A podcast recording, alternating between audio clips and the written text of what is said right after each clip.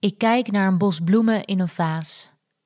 Een typisch stil leven met een gouden lijst en absoluut van een paar eeuwen terug. Achter de vaas een donkere achtergrond die scherp contrasteert met het heldere licht dat op de bloemen schijnt. Wit, blauw, geel, groen. Het is een potpourri aan kleuren. Ik zie lelies, rozen, pioenen en eerlijk gezegd ook een boel die ik niet eens bij naam ken. Een deel is verwelkt en hangt rustig met de bloem op tafel. Alsof het een boeket is dat een belangrijk moment markeert, maar de ontvanger nog niet klaar is om het weg te gooien. Een bruiloft, een overlijden of misschien wel een geboorte. There have always been women who are artists, but it was men who wrote the history books. And somehow, they just forgot to mention that.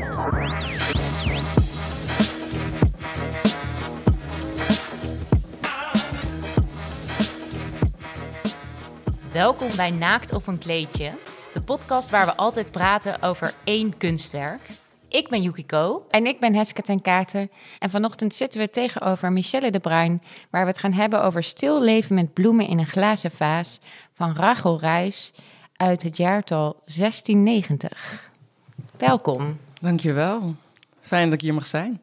Wat zag jij toen je dit schilderij zag? Ehm, nou, ten eerste vind ik het wel heel erg bijzonder om een eh, schilderij uit die tijd te zien van een vrouw. Ehm, het hangt in het Rijksmuseum en eh, daar hangen voornamelijk mannelijke kunstenaars. Ehm, maar wat me met name aanspreekt eh, in dit stuk is dat het iets vertelt over eigenlijk de tijdelijkheid van het leven. En eigenlijk alles wat in het leven manifesteert. Ehm, en dat zie je zo mooi in zo'n buket. Dat nou ja, zo'n bloem was ooit een zaadje, is een bloem geworden en uh, staat nu in een buket.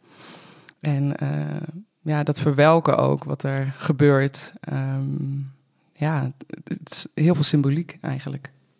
En vind je die verpaupering dan mooi, zeg maar? Of uh, zeg maar, zit er een soort schoonheid in dat verwelkingsproces voor jou? Of is het, is het treurig? Nee, het is voor mij absoluut niet treurig. Ik vind het ook geen verpaupering. Het is juist uh, symboliseert het wat het leven zo mooi maakt. Dat het eindig is en dat het daarom dus ook een doel heeft. Um, en dat we van elk moment moeten genieten.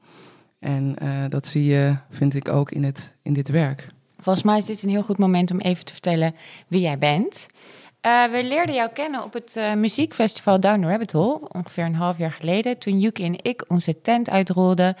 En s ochtends eigenlijk bij toeval uh, de grote muziektent inliepen. En daar zat jij, de rust zelf, op een enorm podium met duizenden mensen op de grond. Een uh, geleide meditatie, denk ik, te geven naast een uh, Australische muzikant, Rai X. en het was een heel bijzonder plaatje waar we het later over gaan hebben. Nou, toen was onze nieuwsgierigheid gewekt en hebben we je opgezocht. Um, je bent de oprichter van Silent State. Uh, je bent een Tibetaanse boeddhist en in de leer bij verschillende kloosters en nonnen. En daarnaast bestudeer je contemplative psychotherapy uh, en combineer je dus Oosterse wijsheid met Westerse wetenschappen. En deze meditaties geef je op plekken waar je het echt niet verwacht. Dus uh, geen meditatiecentrum, geen boeddhistische school, maar hardcore festivals, de openbare ruimte. Over de hele wereld reis je om mensen eigenlijk in vervoering te brengen.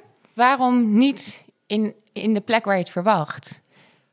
Um, vooral omdat ik mensen wil bereiken uh, die misschien niet naar een yoga studio gaan of naar een boeddhistisch centrum. Um, maar waar ik uh, wel voel dat er een bepaalde behoefte is. Um, ik begeef me zowel in de yogaschool en uh, in, in de meditatiecentra als nou ja, op festivals en dat soort plekken. En ik vind het mooi om dingen samen te brengen. Uh, dus daar is dit ook een uh, resultaat van. En als ik naar mijn leven kijk, is het eigenlijk mijn hele leven uh, een samenkomst van contrasten misschien. Ja.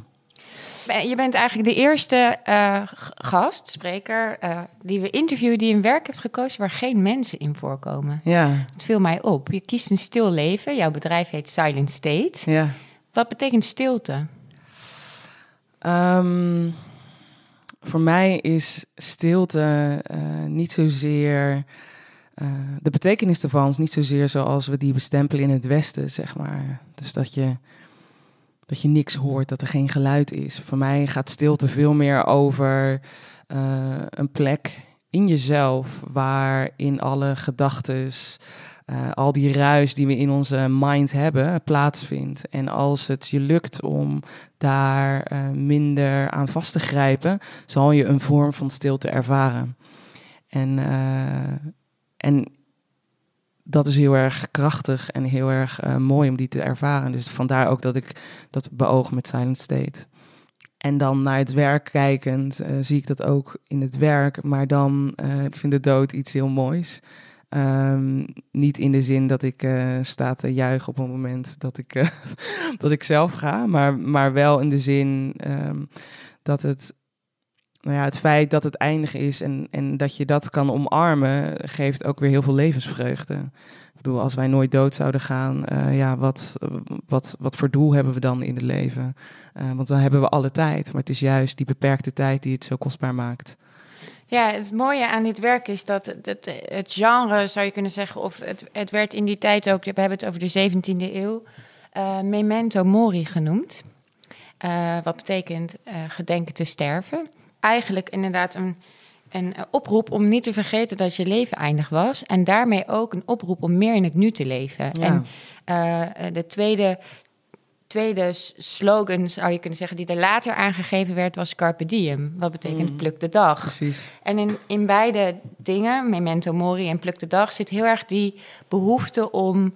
Um, ja, ik ga het woord toch noemen, maar mindful te zijn, in zekere zin. Terwijl ik heel erg het idee had dat het een tijdsgeestbegrip was. Dat, we, hmm. dat het heel erg een 21ste eeuws begrip is.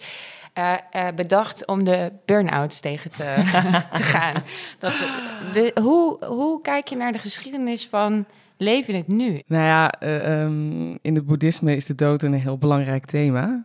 Um, en dat is meer dan 2.500 jaar oud. Dus het, het, is zeker, het is inderdaad iets wat gewoon uh, over de eeuwen heen uh, een belangrijk thema is. Maar niet alleen in het boeddhisme, ook natuurlijk in het christendom, de islam.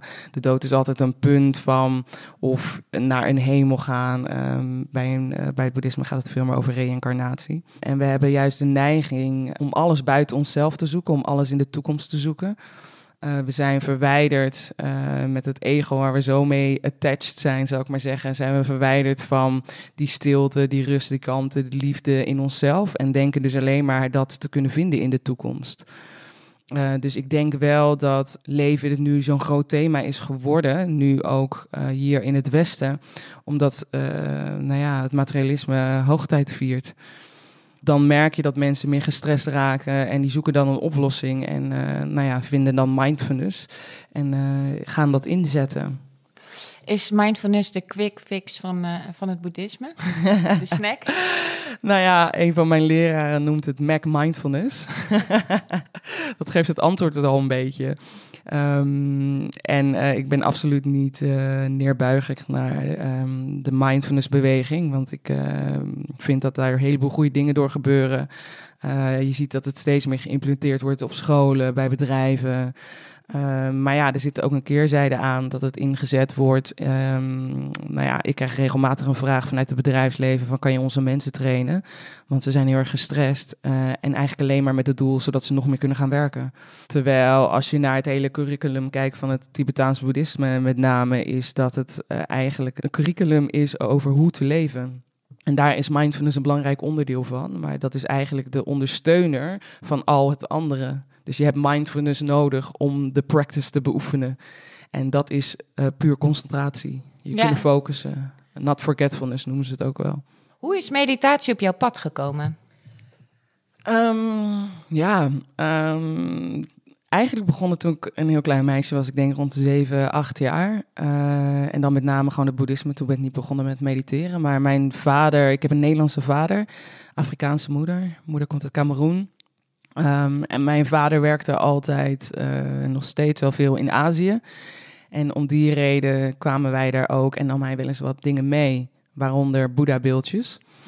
en uh, ja, je kan het toeval noemen. Als je het vanuit een boeddhistisch perspectief kijkt, uh, bekijkt, dan is het karma. Maar toen ben ik dus begonnen met kleine antieke Boeddha-beeldjes sparen. Ehm, dat heb ik een hele periode gedaan. En op een gegeven moment vond ik andere dingen interessant. Dan ging ik heel veel uit en feesten en dat soort dingen. Toen heb ik het een beetje laten varen. En rond mijn achttiende uh, ben ik het weer op gaan pakken. En ben ik boeken gaan lezen en uh, zelf uh, gaan beoefenen. en daar begon echt mijn actieve spirituele reis naar verschillende landen. Om daar retreats te doen en dat soort dingen. Toen heb ik heel veel, en ik ben in die hele spirituele jungle, zal ik het maar noemen, heb ik me begeven. Ik heb alles bekeken. Uh, en toen kwam ik in India terecht en daar uh, kwam ik in, in het dorpje waar de Dalai Lama ook woont. In een klooster terecht. En daar werd ik gegrepen door het Tibetaans boeddhisme.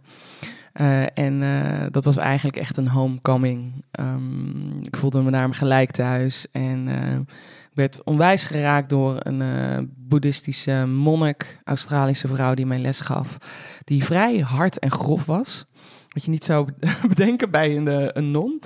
Um, Wat deed ze dan bijvoorbeeld? Wat maakte haar dan grof? Of hard? Uh, nou, grof, grof gebekt, zeg maar. Dus ze kon best wel uh, schreeuwen soms. En uh, haar hele energie, hoe zij les gaf, was best wel grof.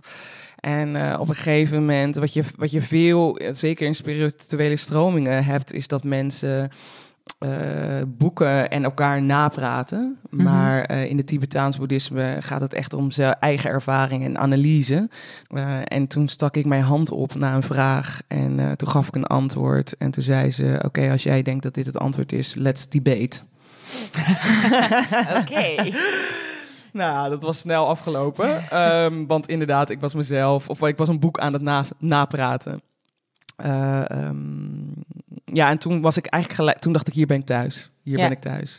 Dus uh, zo, uh, zo ben ik me gaan verdiepen in het Tibetaans boeddhisme. En daar is contemplative psychotherapy bijgekomen. En dat is boeddhistische psychologie en westerse wetenschap, neurologie, neuropsychologie. Um, dus zo. Uh, voor we verder gaan en we gaan praten over het ego, uh, kunnen we eerst het beste iets horen over Rachel Ruis, de kunstenaar. Rachel Ruis werd in 1664 geboren in Den Haag als dochter van een welgesteld gezin.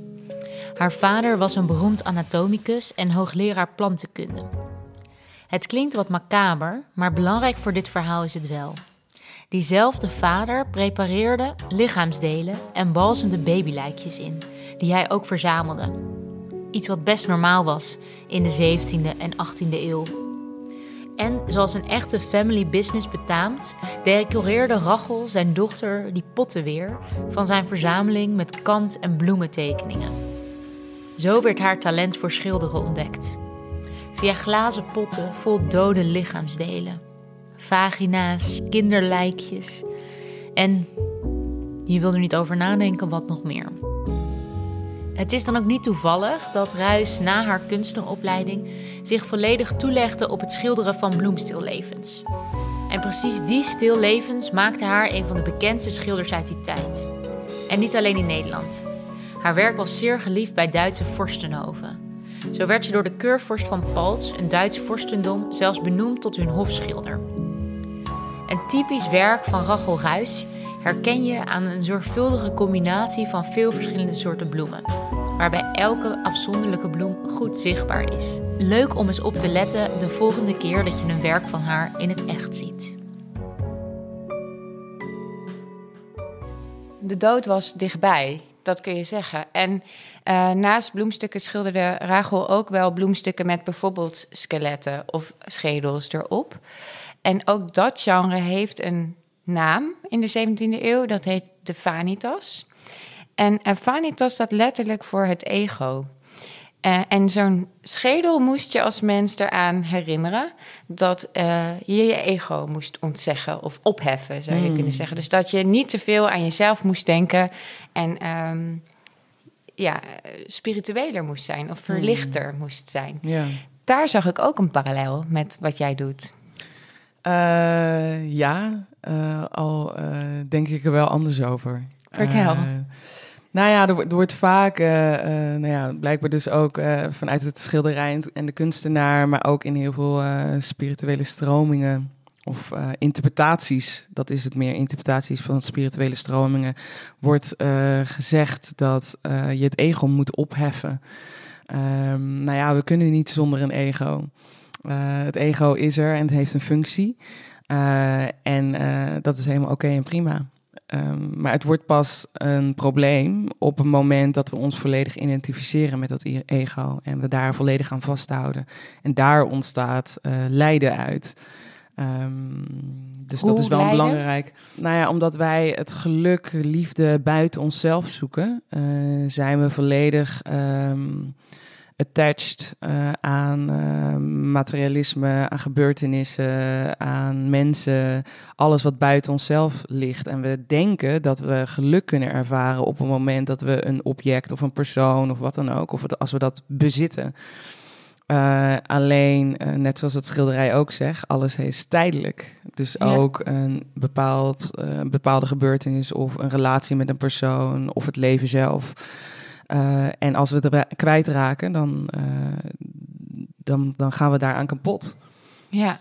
En, uh, en, en die attachment zorgt er ook voor dat die mindstream, dus die, die, die, die gestroom aan gedachten, zo dominant is in ons leven. En dat we in al die verhalen die we creëren over onszelf, van we zijn niet goed genoeg, of, of, of met jou ben ik compleet, dat soort gedachten, die zorgen ervoor dat er lijden is. Terwijl als je naar feitelijk kijkt van wat is er aan de hand, dan is er vaak helemaal niet zoveel aan de hand. Is het slechts het verhaal wat het zo pijnlijk maakt. Zeg je meer eigenlijk in plaats van het opheffen van het ego, zouden we, zouden we minder moeten hechten aan spullen? Nou, niet alleen spullen. Het is uh, minder hechten aan dat ik. Dus ja. dat ego, dat creëert een verhaal. Uh, voor mij is dat verhaal Michelle met een hele geschiedenis en behoeftes en zo. Uh, en een lichaam. Um, en als ik me daar volledig aan vastklamp, dan hoeft er maar iets met mijn lichaam of met mijn leven te gebeuren. Of ik raak in paniek, in verdriet, uh, ik raak verdrietig omdat ik denk dat ik kapot ga. Mm -hmm. um, maar als je daar ruimte in kan creëren, um, dan kan je zien dat er iets aan de hand is. Uh, maar zegt dat niet per definitie iets over wie ik werkelijk ben. En is er ruimte en dus minder lijden. Ik denk er dus wel eens over na om zo'n stilte-retretten te doen. Tien dagen lijkt me ook heel eng, maar het lijkt me wel een interessante ervaring. En tegelijkertijd denk ik, stel dat lukt me daar en ik heb die ongelooflijk vriendelijke mensen ontmoet en die monnik die mij dan begeleidt. Maar vervolgens moet ik inderdaad terug naar uh, de grote stad, uh, waar mensen in de file je afsnijden, waar je uh, te maken hebt met mensen die vinden dat je je e-mails niet snel genoeg beantwoordt. Hoe ga je om met dit soort grote vragen als compassie en verlichting in dit leven? Ja, het is, het is eigenlijk als het ware uh, ontworpen voor dit leven ook. Um, en er zijn zoveel verschillende soorten practices die je kan doen. Um, maar een van mijn favoriete uh, oefeningen die ik doe als ik buiten ben, uh, dat is een compassieoefening. En eigenlijk wat je dan doet is dat je um, bij iedereen die je tegenkomt, stel je voor dat dat ooit jouw moeder is geweest. Uh, en daarmee, daardoor uh, maak je, nou, roep je eigenlijk een gevoel van compassie en liefde in jezelf op voor iemand die je helemaal niet kent. Um, en dat is heel erg krachtig. En ik merk ook op het moment dat ik dat doe, dat ik heel ander contact maak met mensen. En dat ik ook uh, andere gesprekken aanga met mensen. Of dat mensen mij anders benaderen, zonder dat zij weten wat ik doe. Ik vind het best een heftige oefening. Als ik me dat probeer voor te stellen, het lijkt me ook heel kwetsbaar dat ik bij vreemde mensen mijn moeder, waar ik heel veel van hou, ja. uh, inderdaad projecteer. Ja. Ik zou het bijna eng vinden om te doen. Wat, maar wat maakt het zo eng? Omdat het zo uh, rechtdoor is of zo mm. ongefilterd en daarmee misschien onaangepast of onbeleefd. Onbeleefd? Ik, ik krijg ook wel bijvoorbeeld soms de kritiek dat ik te amicaal ben. Ja. Of, of te uh, open misschien. Mm -hmm. Dus, dus het klinkt ook iets als, als iets wat eng is te doen in, in onze uh, gedragscultuur op straat. Ja. kijk, het mooie juist van deze oefeningen is dat je niet amicaal of open hoeft te worden. Het is iets wat je in je hoofd doet. De ander merkt het um, niet in hoe je iemand benadert of zo. Alleen merk ik wel dat er toch iets anders gebeurt in contact. Uh, en dat je dus echt contact maakt, want daar gaat het ook echt over. En, en ook dat je geen onderscheid maakt tussen mensen. Dus, dus wij zijn wat betreft liefde zo selectief. Ja. Uh, en uh, onwaar, on, eigenlijk is liefde bij ons altijd voorwaardelijk. en hiermee tra train je, of eigenlijk niet eens trainen, maar maak je opnieuw connectie met die onvoorwaardelijkheid van liefde. Yuki en ik zijn ook tijdens museumnacht bij jou geweest. Ja. Daar stonden tegenover de nachtwacht die nu gerestaureerd wordt in de eregalerij elf bedden. En wat je eigenlijk gedaan hebt, is schilderijen uit het Rijksmuseum gebruikt om een soort meditatie te ontwikkelen. En ik heb er nog heel veel over nagedacht. Het, het, voor mij werd het een soort combinatie van Boeddha en.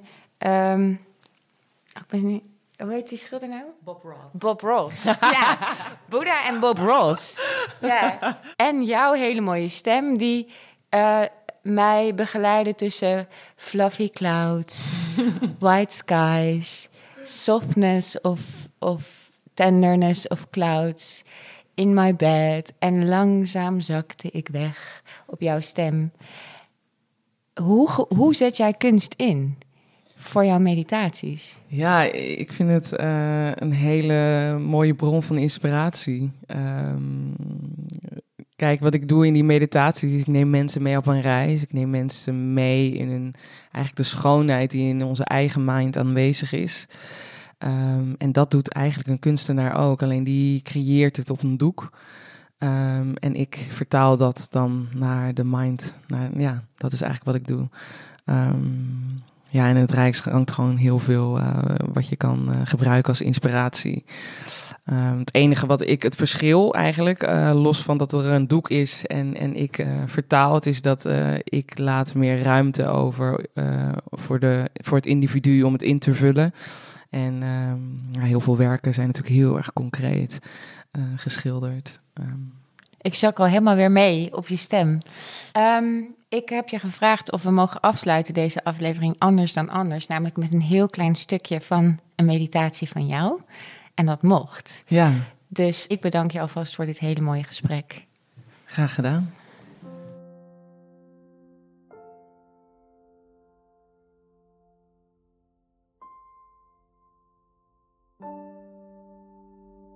Watch yourself laying in bed in a beautiful green forest, comfortably and completely relaxed.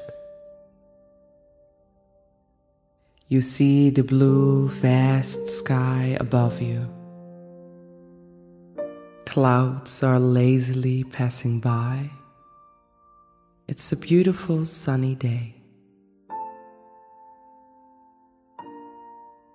As you take a deep breath in. You notice how the bed is slowly transforming into a velvety white cloud, delicately reaching out to embrace you. Feel how the surface beneath you becomes softer and softer. You are safe here.